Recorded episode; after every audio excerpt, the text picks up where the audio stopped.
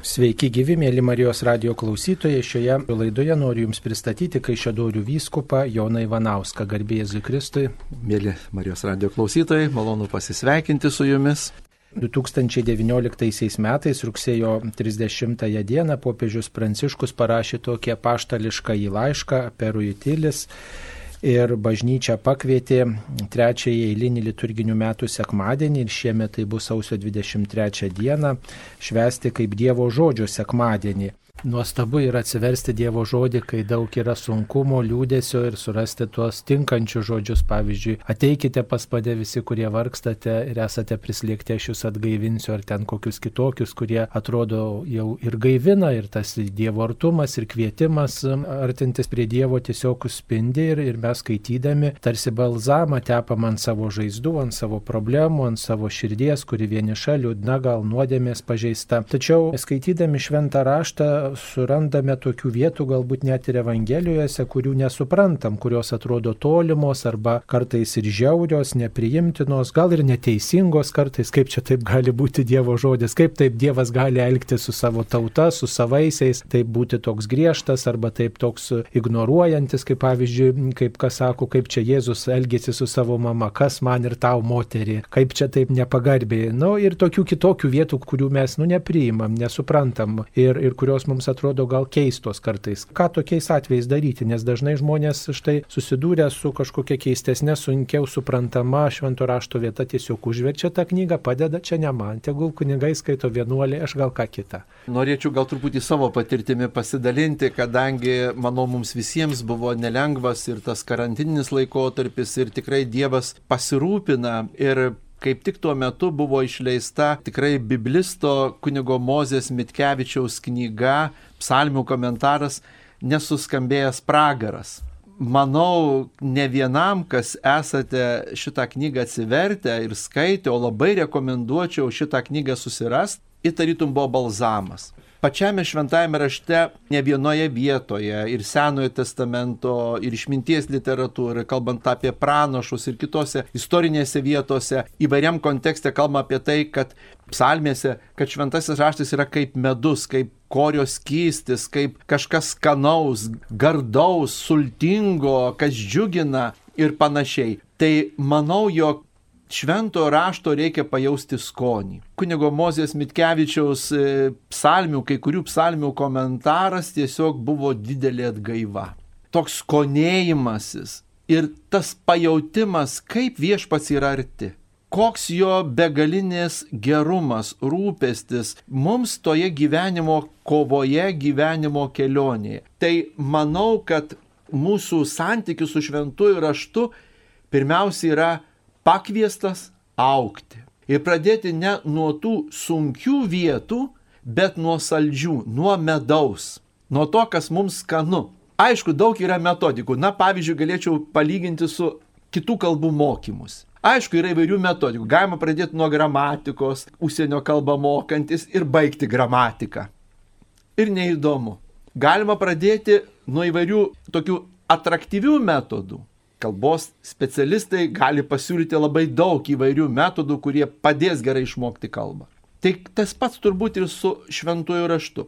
Paimti tai, kas pradžiugintų, tai, kas e, tiesiog e, vestų tuo keliu su viešpačiu. Ir jeigu randame pato skaitydami, kad ir kokį Biblijos tekstą, kuris mums būtų nesuprantamas arba keltų įvairių klausimų, nesustokime prie jo eikime toliau, keliaukime ir pamažu po kiek laiko, čia už patirties galiu pasakyti, kai mes sugrįšime prie tos pačios mums sunkios arba atrodo neprimtinos vietos, į kas skambės kitaip jau. Be abejo, Čia labai svarbu turėti prieš akis tai, ką visas Biblijos mokslas apie tai mums gali pasakyti. Sakykime, na, mums tokios atrodo sunkios kai kurios vietos, na, Jozuės knygos, kai kurie tekstai, teisėjų Senojo testamento, kunigų knygos, skaičių knygos, kai kurie dalykai, arba kai kurie Jėzaus posakiai, kai kurie Jėzaus, na,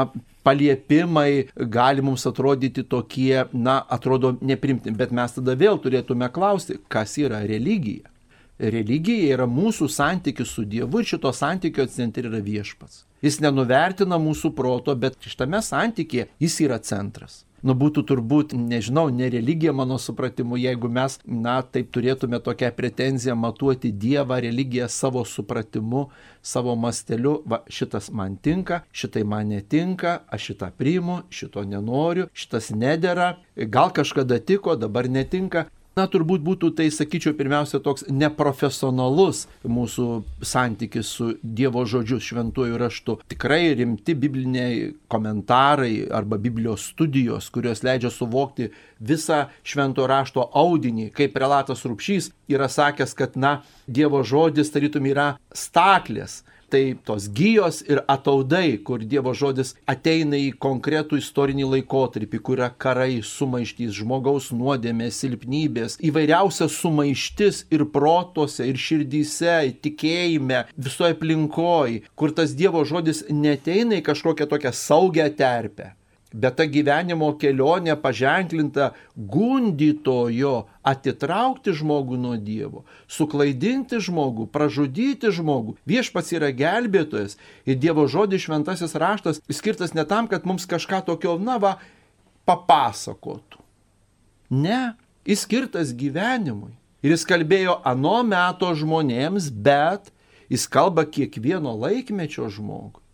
Jis esti teksto prasme tokiu pačiu būdu. Bet kadangi tekste per tekstą kalba Dievo dvasia, tai kalba taip pat mūsų laikmetyje.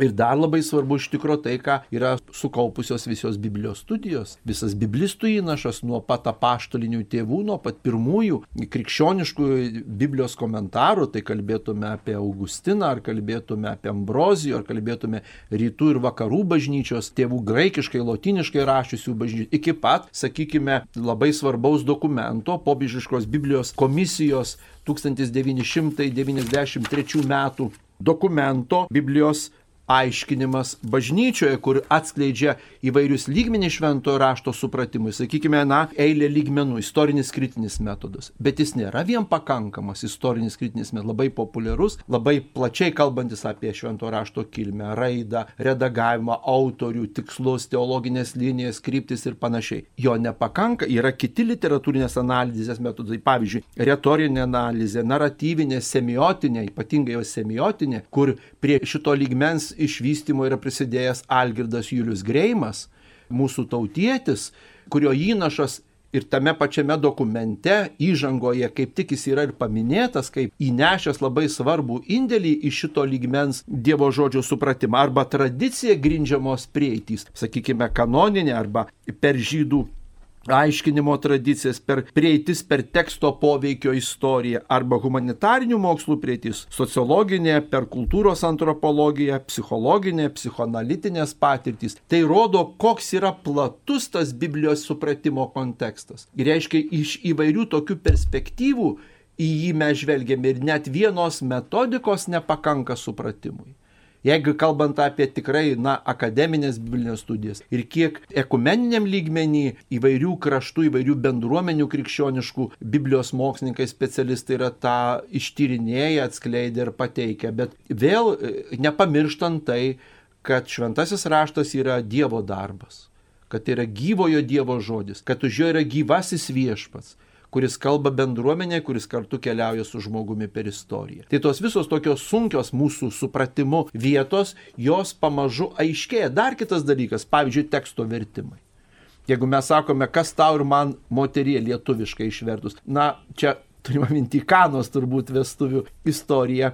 Bet jeigu mes, na, ne tik šiuo atveju, bet ir kitais atvejais mes turėtume žiūrėti į originalinį tekstą ir net suprasti tai, kad nors tekstas Naujojo Testamento Evangelijų yra graikų kalba koine dialektus, reiškia semitizuota graikų kalba per Aleksandro didžiojo užkariavimus pasiekusi semitinį pasaulį, bet Jėzus tai kalbėjo, galvojo aramėjiškai, reiškia semitiškai. Mes dar tą turime turėti prieš mintį, prieš tai mintį ir toliau turėti, ką tekstas sako. Jėzaus motina sako, darykite, ką jis jums lieps. Tai, na, kai kurie komentatoriai linkę šitą vietą truputį kitaip išversti. Mes suprantame, kad vertimas yra visuomet, kai sako, neištikimas, visuomet netobulas, nes mes vertimu bandome perduoti visai kitą pasaulį. Tai nėra atatikminis, na, sakykime, pasakome žodį namas.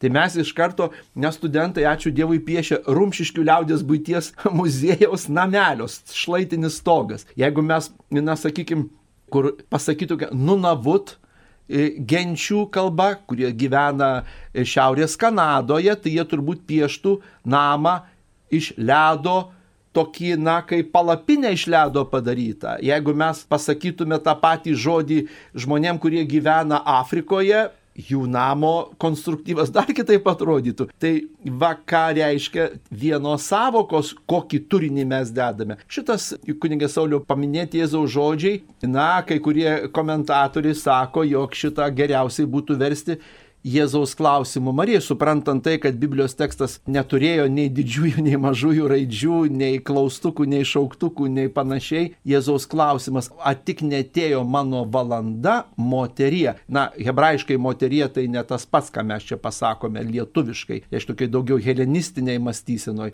pagarbus santykis į savo mamą. Ir reiškia, ar tik netėjo mano valanda ir žiūrėkime, ką toliau Jėzus daro pabaigoje šito pasakojimo evangelis sako, tokia stebuklų pradžia, toks ženklas, tokia pradžia būtent su šituo įvykiu. Taigi Jėzaus valanda atėjo ir Evangelijoje būtent taip Jėzus pradeda savo veiklą. Tai čia ir vertimas dar kartais turi reikšmės, bet ne visada. Mėly Marijos radio klausytojai, jums kalba Kaišėdorių vyskupas Jonas Ivadauskas, kalbamės apie Dievo žodžio skaitimą, apie Dievo žodžio studijavimą, nes trečiasis eilinis liturginių metų sekmadienis yra skiriamas Dievo žodžio temai. Popiežius Pranciškus 2019 metais pakvietė švesti šį sekmadienį ir taip atkreipti dėmesį į Dievo žodžio skaitimą. Taigi, mielas ganytojau, džiugu, kad galime studijuoti akademiškai šventą įraštą, tiesiog gilintis į vairias prasmes, tačiau ne visi tą galimybę turi. Ir ne visų toks išsilavinimas yra didelis ir tiesiog visi dažnai yra tokia pagunda gal pažodžiui suprasti Dievo žodį. Ir kai kurie žmonės štai pasiklauso to Dievo žodžio ir sako, ai, jau esu girdėjęs vieną ar kitą švento rašto vietą, kam skaityti tą patį per tą patį, ypatingai kelias dienas iš eilės. Pavyzdžiui, jeigu dalyvauja šeštadienį vakare mišiuose, jau yra sekmadienio išvakarių liturgija, o žmogus uolesnis ateina ir sekmadienį, jis sako, jau vakar girdėjau, negali kunigas parinkti kitos ištraukos, arba skaitė tą pernai, ar dar ten kita kokia proga. Tai kaip vat, suprasti žmogui, kuris neturi to įsilavinimo ir tiesiog ar paskaitė, sako, šitą aš jau, jau žinau, aš šventą raštą perskaičiau, jo man nieko ten naujo, aš nieko ten netrasiu. Kaip neapsiprasti, tiesiog net ir kunigui, galbūt net ir vyskupui gal tas aktualu, kaip neapsiprasti su tuo Dievo žodžiu, kuris skamba, na, va, diena iš dienos, metai iš metų, vis rodos tas pats. Ačiū, kunigė Sauliau. Na, čia įvairiai galima apie tai galvot, bet mes e, kasdien kalbame tais pačiais žodžiais. Susitikę su kitais žmonėmis sakome labas rytas, laba diena, garbėzui Kristui, labas vakaras.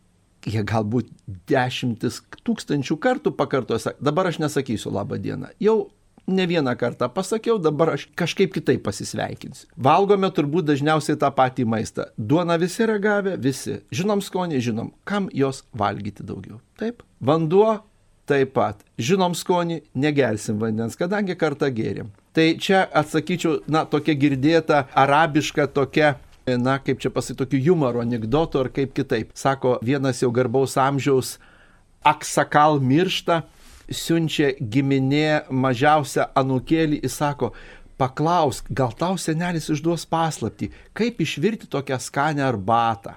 Anukėlis prie prie senelio klausė, sako vaikeli, pasakyk jiems, kad arbatos nepagailėtų. Tai čia galėčiau gal taip ir juokais ir rimtai pasakyti, kuo mūsų meilė šventajam raštui, atvirumas Dievo žodžiui tampa asmeniškesnis, gilesnis ir bendruomeniškesnis, tuo mums jis skamba visai kitaip. Kiekvieną dieną jis tas pats tekstas mums suskambės kitaip. Padarykime paprastą eksperimentą. Kada mums yra džiugi žinia, kada ramu širdį, kada kažkokia šventė, tas pats tekstas, ką mums sakys ir kada gausime žinę apie kito žmogaus lygą, apie kito žmogaus netektį, tas pats tekstas mus palies kitaip. Tai ne tik bus mūsų emocija, tai mūsų emocija bus kita, mūsų pačių būsena bus kita, bet tas Dievo žodžio skambėjimas toje mūsų būsenoje, jis bus kitoks. Tai intelektualinis švento rašto pažinimas negali būti supriešintas su maldos gyvenimu, su Dievo žodžiui atvirumu, yra vientisa visuma. Ir Na, galbūt iš vienos pusės mes taip pat turime e, suprasti tai, kad mes Dievo žodžio atžvilgių turime turėti labai reikalingą darybę - nuolankumą. Jeigu mes neturime stokotume tos darybės, na, būtų mums didelis nuostolis. Jeigu mes stokotume šitos darybės, sakytume, ai, čia aš negabus, čia aš nestudijavau švento rašto, ai, tai čia ir nesigilinsiu į Dievo žodį tai būtų puikybė.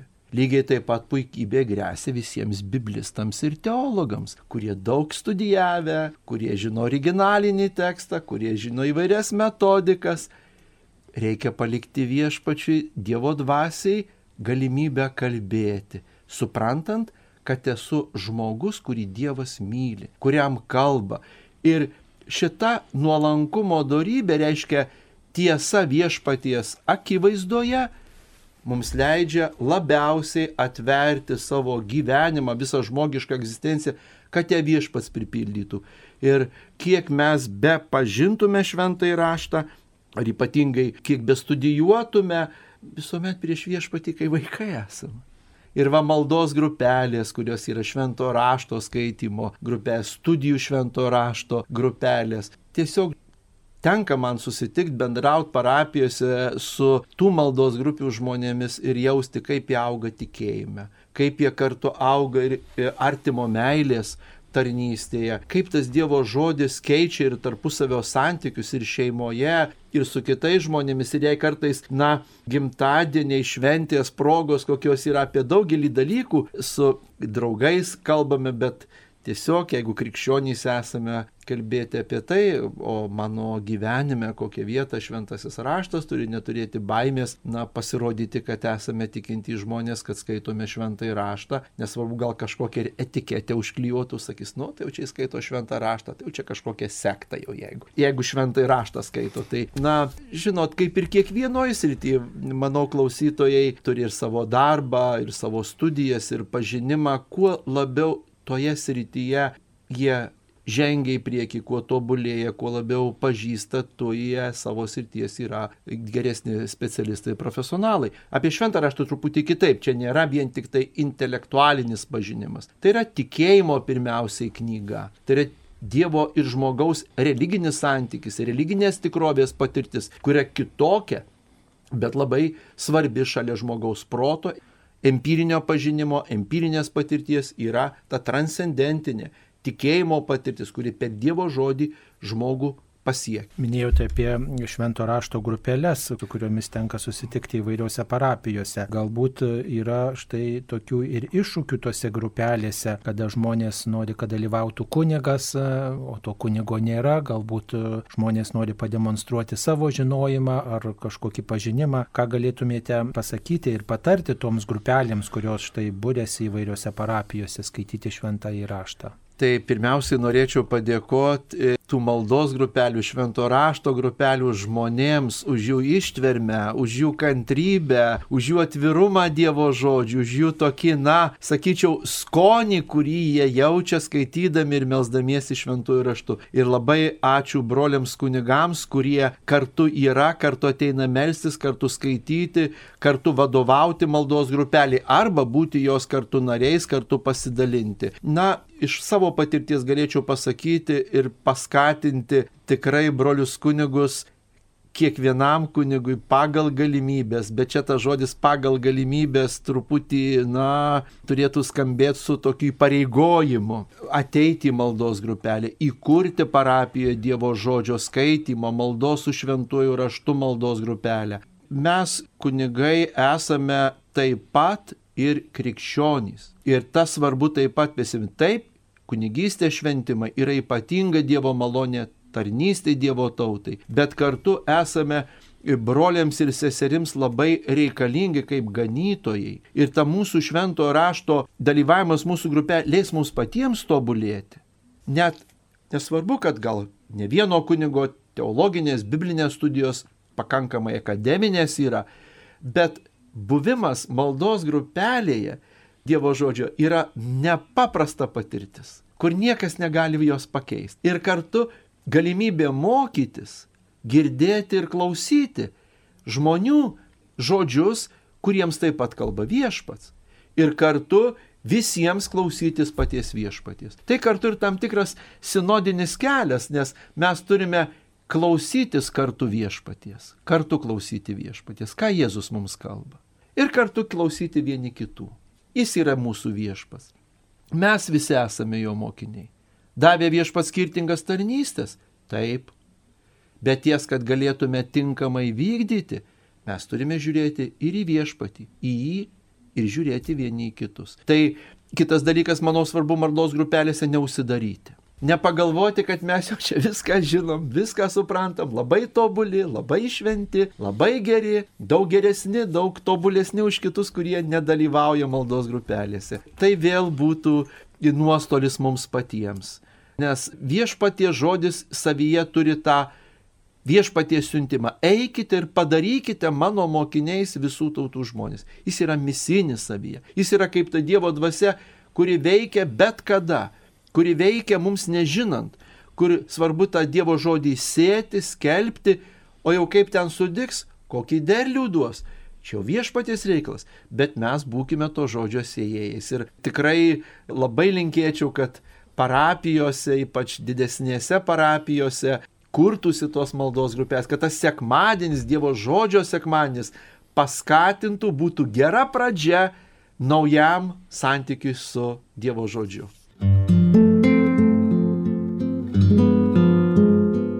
Jūs girdite Marijos radiją.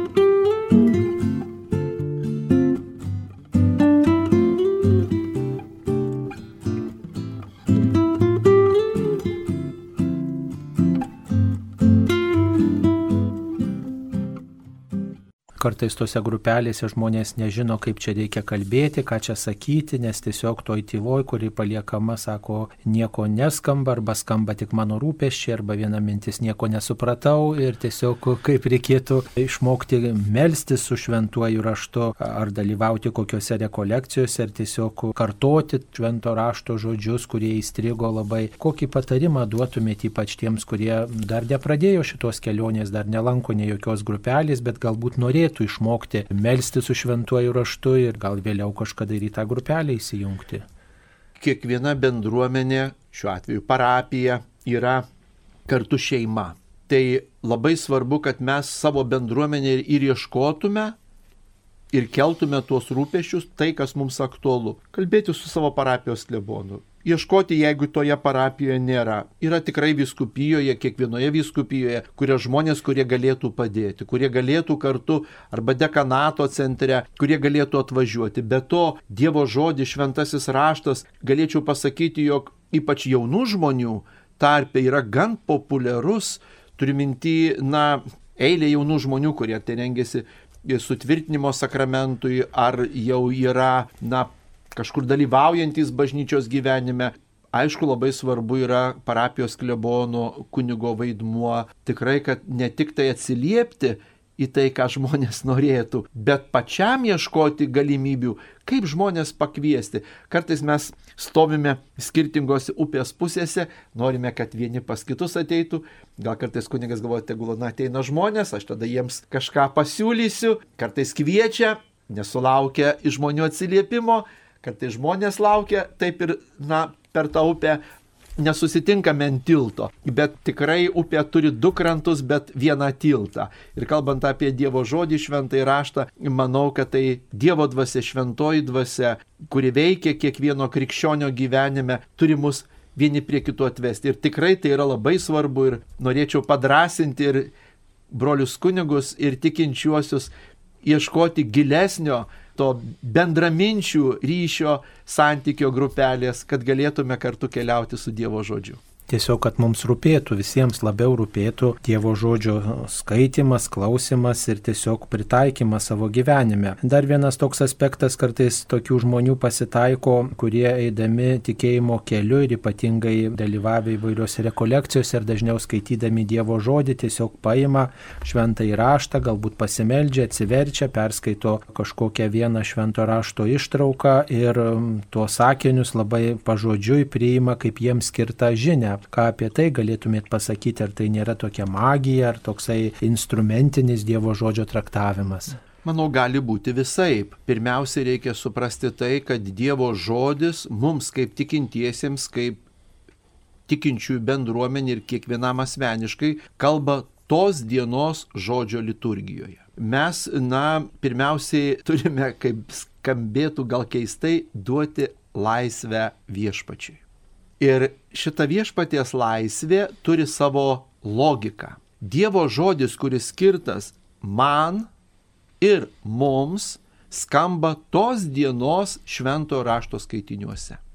Tai tada mes turime pirmoje vietoje matyti net, kas mums labai sunku padaryti, pasitikėti viešpačiu. Kad tos dienos Dievo žodis, kuris skamba visur, visam krikščioniškam pasauliu, katalikų bažnyčioje tas pats, taip, bet jeigu aš į viešpatį kreipiuosi ir man reikia jo žodžio, tas Dievo žodis suskambės ir prakalbins ir bus skirtas man taip, kaip viešpats nori. Nes tai Dievo žodžio, atsiminkime tai, kad yra Dievo žodis, kalbantis žmogaus žodžiu tai ne tik mes bendrai girdime žmogaus žodžių skambantį žodį, bet jis turi kitą transcendentinę, tą teo dimensiją, dieviškąją dimensiją, kur tas dieviškumas ir skirtas mums tos dienos Dievo žodį. Žinoma, mes turime turėti nuolankumo, šita darybė labai svarbi. Mes turime prašyti, kad viešpats kalbėtų. Aš tikrai žinau žmonių, kurie sako, na, pasimeldžiau, atsiverčiau Žinot, mes turime palikti viešpačių laisvę. Galime nuolankiai prašyti viešpatie, kalbėk, ieškau tavo žodžio, noriu girdėti tavo valią, bet esu pasirengęs primti tavo valią. Nestatau tau sąlygų, nereikalauju, bet viešpatie, nuolankiai tave prašau. Ir gali tai būti, kad atvertus tą ar kitą vietą mes pajausime, kad viešpats mums kalba. Jeigu mes suprasime, kad tyla va atvertėme ir negirdime, arba kažką nei temą rašo, čia būtų pavojus mums nusimint. Pagalvot, nu va, čia turbūt jau viešpas nusisuko, nekalba mums, nenori girdėti, arba jau čia tikrai bus labai blogai. Ne. Viešpats turi savo logiką ir savo prasme. Ir kartais mums tie žodžiai, kurie mums atrodo netinkami ir ne tą norėjome girdėti, gal kaip tik yra kelias, gal kaip tik jie mums kalba, tai niekada nepralaimėsime, jeigu pasitikėsime viešpačiu. Viešpat žinokime vieną, jis visuomet mumis rūpinas ir jam visada mes esame brangus. Visas Dievo žodis yra geroji naujiena, geroji žinia ir viešpats tas, kuris visada mums ir svarbiausia, kad na, mes turėtume tą tikrai tokį pasitikinti gyvą tikėjimą, kad viešpats mus tikrai myli, mes esame jo žmonės. Štai Dievo žodį skaitome tam, kad e, galėtume patirti Dievo artumą ir Dievo žodis, taip vadinamas Dievo laiškas mums. Tačiau kartai žmonės svarsto, ai, parašytas čia žmonių, tas Dievo žodis, jis, e, nu, toksai galbūt tolimas nuo mūsų, parašytas seniai. Kaip vis dėlto žmonėms e, priimti tą Dievo žodį kaip gyvenimo pagrindą ir jo vadovautis, tą tokį Dievo svorį tame žodį atrasti. Dievo žodis turi savyje talpina dieviškąją, mes sakome, išmintį. Senojo testamento knygų net dalis vadinama išminties literatūra, tai reiškia ta kažkokia tai visą kūrinyje, žmogų, pasaulį, visą egzistenciją, ką mes vadiname egzistenciją, sukūręs viešpats, jie vadovausi mums kartais, na, nesutalpinama dieviška išmintimi. Ir mes tą dievišką išmintį matome pačiose primityviausiose atrodo egzistencijos dalelėse, tai būtų mikropasaulis, ar tai mikrobiologiniai dariniai, ar tai būtų, kad ir virusai, lastelės, arba makro pasaulis, kur mums erdvė, laiku sunkiai suvokiamas ir matuojamas, visame kame yra dieviška išmintis ir jeigu atkreipsime dėmesį, Michelandželas tapydamas Siksto koplyčią, lubas ir gerai žinome freską, kada viešpats paliečia Adomo pirštą savo pirštu kurdamas ir Adomas tampa gyva būtybė. Jei atkreipsime dėmesį kitą ranką, freską, viešpats yra kuriejas apsikabinęs jauną moterį, merginą. Tai yra išminties superpersonifikacija. Reiškia, kurdamas Adomą, kurdamas pasaulį viešpats vadovaujasi išmintimi ir tą išmintį mes atpažįstame visoje kūrinyjoje. Tai lygiai taip pat, jeigu mes kalbėtume apie Dievo žodžio aktualumą, dekalogas, dešimt Dievo žodžių tautai. Jei kalbėtume apie sandoros visą teologiją, viešpatie su savo tauta. Jei kalbėtume apie pranašų žodžius skirtus tautai, santykiai su Dievu. O vėliau pereitume į Naująjį Testamentą, ypač Evangelijas, Jėzaus žodžius. Tai viską kartu prieš akis turėtume, mes matytume Dievo išminties planą visam žmogaus gyvenimui ir jo santykiui su Dievu. Būtų turbūt, na, tikrai neišmintinga galvoti, kad žmogus viską gali taip gerai suprasti, taip pramatyti, ta dieviška tikrovė, na mes tik jos, nu, kaip apgraibomis jaučiame. Mes matome, kaip žmogui net atrodo tikrai turint didelės įžvalgas, nelengva prognozuoti, numatyti procesus, kurie vyksta dabar, procesus, kurie galimi ateityje. Mes matome savo ribotumą ir net esant tokiam šiandienos mokslui, tokiam galimybėm visose srityse, kaip nelengva kovoti su pandemija. Tai jaučiame savo ribotumą ir ta Dievo žodžio išmintis mums leidžia turėti tą dievišką matymą, dievišką žvilgsnį, matyti daug daugiau negu, nes graikų kalboje yra keli žodžiai, kurie reiškia matyti ir regėti. Mes lietuvių kalboje turime įvairovę žodžių. Matyti, tarytum, viena plokštuma, tai kas labai akivaizdu, o regėti, tarytum, už to, kas matoma. Daug giliau, daug prasmingiau išvelgti, na, šachmatų terminais kalbant, matyti kelis ėjimus į priekį. Tai turbūt ne tik tai taip, Dievo žodis leidžia mums, net jeigu ir ko mes nesuprantame ir nežinome, bet vadovaujamės tą Dievo išmintimi, kai vėliau Naujasis testamentas sako, viskas išeina į gerą mylintiems Dievą. Net jeigu atrodo šitoje kelionėje ir Jėzaus mirtis ant kryžiaus turbūt mokiniams atrodė kaip katastrofa, kaip pralaimėjimas, kaip pabaiga ir ko gero šitame gyvenime visada taip atrodys tikri dalykai, kaip pralaimėjimas ir pabaiga. Žmogus gali nusivilti pačiu savimi, nes ne vieną kartą jis jau bandė, kad būtų kitaip. Bet e, visa ta gale, prisikėlimo gale, plaukia ne iš žmogaus antropologinės patirties ar išminties, bet yra tiesiog dieviška duotybė mums, Dievo dovana arba, sakome, malonė. Dievo žodis e, yra ne tik tai atrama katalikų bažnyčioje, kur mes e, skaitome ir pagerbėme liturgijoje, bet taip pat ir toks e, vienybės ženklas tarp įvairių krikščioniškų bendruomenių. Čia taip pat turite turbūt kai ką pasakyti, kad štai įkurta Lietuvos Biblijos draugija ir mes daugelis skaitome namuose, turime tą akumeninį Biblijos leidimą. Turbūt tai irgi toks yra, kaip sakyt, mūsų visų ekumenizmo pergalė ženklas, tokia malonė dovana, kad įvairūs krikščionys gali turėti vieną švento rašto leidimą. Taip. Viešpaties Jėzaus malda, kad visi būtų viena, turbūt labiausiai akivaizdi, kalbant apie šventą raštą Bibliją. Tai reiškia, jog mus visus krikščionis Dievo žodis labiausiai ir telkia į artumą.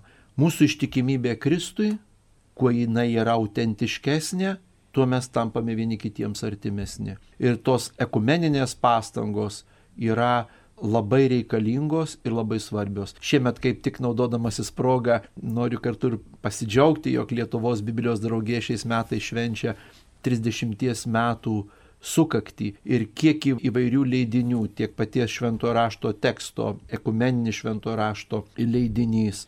Leidiniai, knygos vaikams, kurios, manau, kiekvienoje šeimoje gali būti labai svarbi tikėjimo perdavimo tikrovė, kada, na, pavyzdžiui, ne vienoje šeimoje teko girdėti, jog vaikams vakare kartais tėveliai skaito ir pasakas arba kokias knygutes, šeimoje skaitoma vaikams Biblija, reiškia vaikams Biblija, tie siužetai, kurie vaikams kartu perdoda nuo vaikystės tikėjimo patirtį, tai ne tik tekstas, vaikai kitaip priima, sakykime, pasaulio sukūrimas, žmogaus sukūrimas, Juozapo istorija, Nojaus tvanas, na ir eilė Dovydo istorija, Dovydo pašaukimas, na visi tie arba ir Naujojo testamento įvairius Jėzaus palyginimai ir, ir panašiai, kiek vaikas gali suprasti. Taigi Lietuvos Biblijos draugijoje tos bažnyčios teigėjos, kurios drauge kartu rūpinasi Dievo žodžio sklaida, artumu vieni kitiems, mano manimu, tai yra toks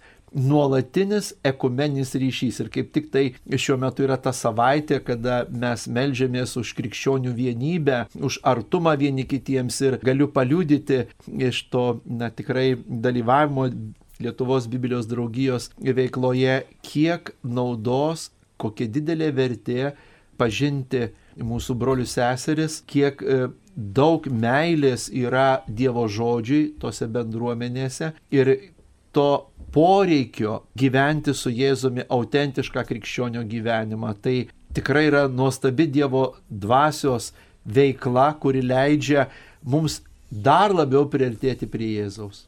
Mes tokį raginimą dažnai girdime, skleiskite Dievo žodį ten, kur esate, šeimoje, darbe, visuomenėje. Kaip mes galėtume prisidėti prie to skleidimo? Štai Lietuvos Biblijos draugija leidžia tą Dievo žodį, daugina šventus raštus, dalina, parduoda, o kaip mes paprasti tikintieji galime tuo skleidimu dalintis ar kalbėti tiesiog apie tai, ar kaip kitaip. Manau, kad tų galimybių yra be galo daug.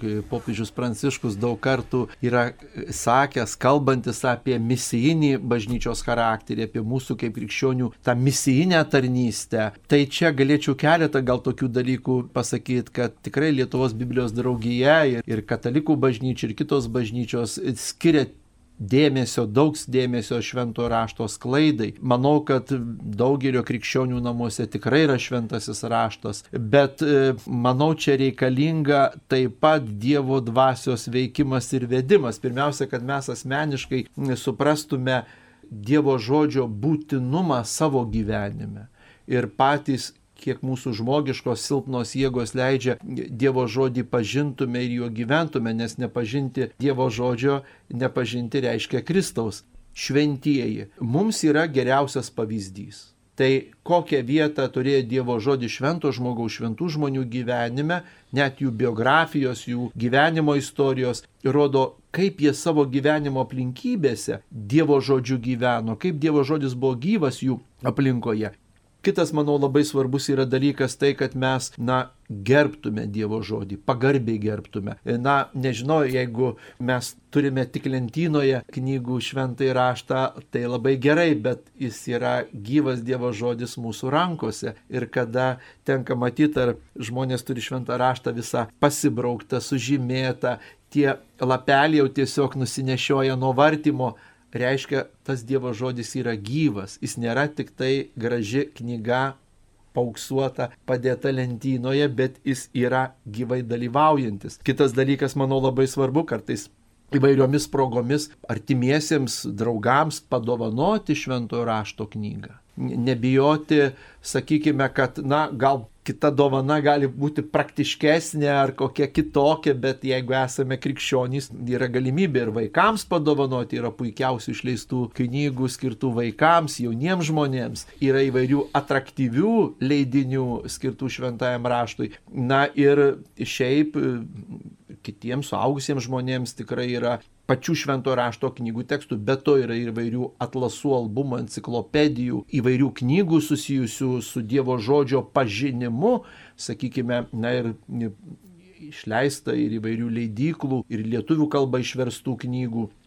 Kurios skirtos pažinti šventąjį raštą. Na, savo metu labai populiarios buvo ir padedančios tikrai gerai pažinti Dievo žodį prelato Antano Rūpšio knygos. Raktas į Senąjį testamentą, raktas į Naująjį testamentą, šventojo rašto kraštuose, Pašlo Pauliaus kelionės. Žinoma, jau čia galbūt prieš keletą dešimtmečių knygos, bet jos yra nepraradusios savo aktualumo, jos yra aišku mokslinės, bet jos pakankamai populiariai parašytos. Kam reikia kokio gilesnio akademinio biblinio pažinimo studijų, tikrai be abejo lietuvių kalboje mes neturime daug tokios literatūros, bet žmonės, kurie, na, studijuoja, jie moka kitas kalbas ir įvairiomis kitomis kalbomis turime labai gausų, turbūt be ne, jeigu kalbėtume apie teologijos tą lauką, turbūt be ne daugiausiai yra biblinės teologijos, Biblijos studijų, įvairiausių metodikų, priemonių, tokia jūra įvairiomis kitomis kalbomis. Tai o mes kiekvienas, na, tiesiog pasidalindami savo aplinkoje, paieškoti ir išradingų būdų, kaip tą Dievo žodį galėtume nunešti, paskelbti, nes tokia mūsų misija. Eikite ir skelbkite visai kūriniai, visiems žmonėms. Turbūt e, čia svarbiausia tokia ištikimybė prie Dievo žodžio.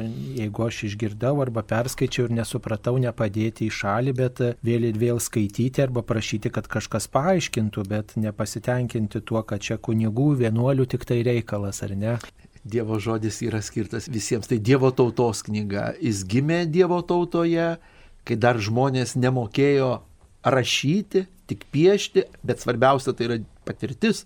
Santykio su Dievu patirtis, kuri, kaip minėjau, iš kartos į kartą žodinės tradicijos būdu buvo perduodama, tik vėliau pradėta užrašinėti tekstą. Ir kalbant apie Senojo testamento tekstą, bet jis skirtas mums visiems, ir kiekvienam krikščioniui. Tai mūsų net ir tam tikras imperatyvas yra mums Dievo žodį pažinti, jį mylėti, juo gyventi, juo dalintis. Ir tiesiog, na, labai natūralu, kai bet kokioje bendruomenėje, arba šeimoje, sakykime, na, žmonės dalydasi ir kasdienę duoną, savo patirtimis, tuo, kas iš tikrųjų yra aktualu. Ir bet šeima paprastai jungia tarpusavio ryšys, santykis arba visuomenėje, valstybėje, kaip yra kartu svarbu ta ir pagarba, ir tas suvokimas, kad esame vienos šeimos, vienos visuomenės, vienos tautos nariai. Taigi Dievo žodis yra visuomet jungiantis, visuomet vienijantis, visuomet leidžiantis, na, patirti tą viešpaties mylintį buvimą, ko manau visiems ir asmeniškai, ir visuomeniai, ir individui, ir visuomeniai visada labai svarbu, kad mes nesame gyventojai planetos, kuri keliauja tamsioj visatoj, mažoj planetėlėje su savo rūpešiais ir bėdom. Taigi, kaip galėtume apibendrinti mūsų laidą ir į ką dar atkreipti dėmesį reikėtų švenčiant trečiąjį eilinį liturginių metų sekmadienį, kuris skirtas Dievo žodžio temai, į ką dar taip mes netkreipėm dėmesio, kas būtų svarbu ir ką reikėtų priminti mūsų klausytojams. Pirmiausia, manau, kad e, turime prašyti viešpaties malonės, kad jo žodis mums visiems būtų kalbantis, prakalbinantis, mus apglėbintis, kad jaustume, kad jis yra gyvas Dievo žodis. Būtų praradimas, jeigu mes susiaurintume Dievo žodį tik į knygą. Už knygos įraštinto Dievo žodžio, kaip tam tikros, sakykime, laikmenos, yra pats viešpats ir šituo Dievo žodžiu jis priartėja prie mūsų, autentiškai priartėja. Tai labai norėčiau palinkėti visiems broliams sesėms ir visiems krikščionims kartu ir broliams kunigams tikrai to atvirumo Dievo žodžiui. Broliams kunigams dar specifiniai gal norėčiau taip tikrai na, iš viso širdies palinkėti, kad mūsų homilijos, kurios maitina Dievo žmonės, kad jos tikrai plauktų iš gilios meilės Dievo žodžiui, kad jos būtų autentiško Dievo žodžio maistas žmonėms, kad jos būtų gerai paruoštos, kad jos užkalbintų žmogų, kad tas Dievo žodžio sekmanis būtų mums primenantis mūsų įpareigojimą ir patiems maitintis pilnaverčių maistu ir Dievo žodį per homiliją priartinti, uždegti meilę, paskatinti žmonės, paskatinti, kad jie matydami mūsų meilę Dievo žodžiai, sakytų, kad ten kažkas skanaus yra, kad šitas sekmadienis mums padėtų labiau pajaus, kad esame tikrai mylimi Dievo žmonės. Mėly Marijos radio klausytojai, šioje laidoje kalbėjome su Kaišėdorių vyskupu Jonu Ivanausku apie Dievo žodžio sekmadienį ir apie Dievo žodžio svarbą. Primenu, kad popiežius Pranciškus 2019 metais parašė paštališką į laišką per Ujitilis ir pakvietė bažnyčią trečiąjį eilinį liturginių metų sekmadienį švesti kaip Dievo žodžio sekmadienį. Šiemet tas sekmadienis yra sausio 23 dieną, taigi Visus kviečiame su pagarba, su meilė, nuolankumu, kantrybė ir ištikimybė skaityti Dievo žodį, nenusiminti, jei nesuprantam, jei kažkas neaišku, tiesiog melstis, galbūt prašyti patarimo, paaiškinimo ir nenusiminti, kai ne iš karto tas paaiškinimas ateina. Svarbu, kad mes skaitydami šventą raštą arba jo klausydamiesi tikrai suprastume, jog už jo yra pats viešpats ir kad jis kalba mums per šitus švento rašto žodžius. Vyskupa Jona Ivanauskas šioje laidoje kalbino aš kunigas Saulis Bužauskas. Bužauskas visiems meilės Dievo žodžiui. Ačiū sudė.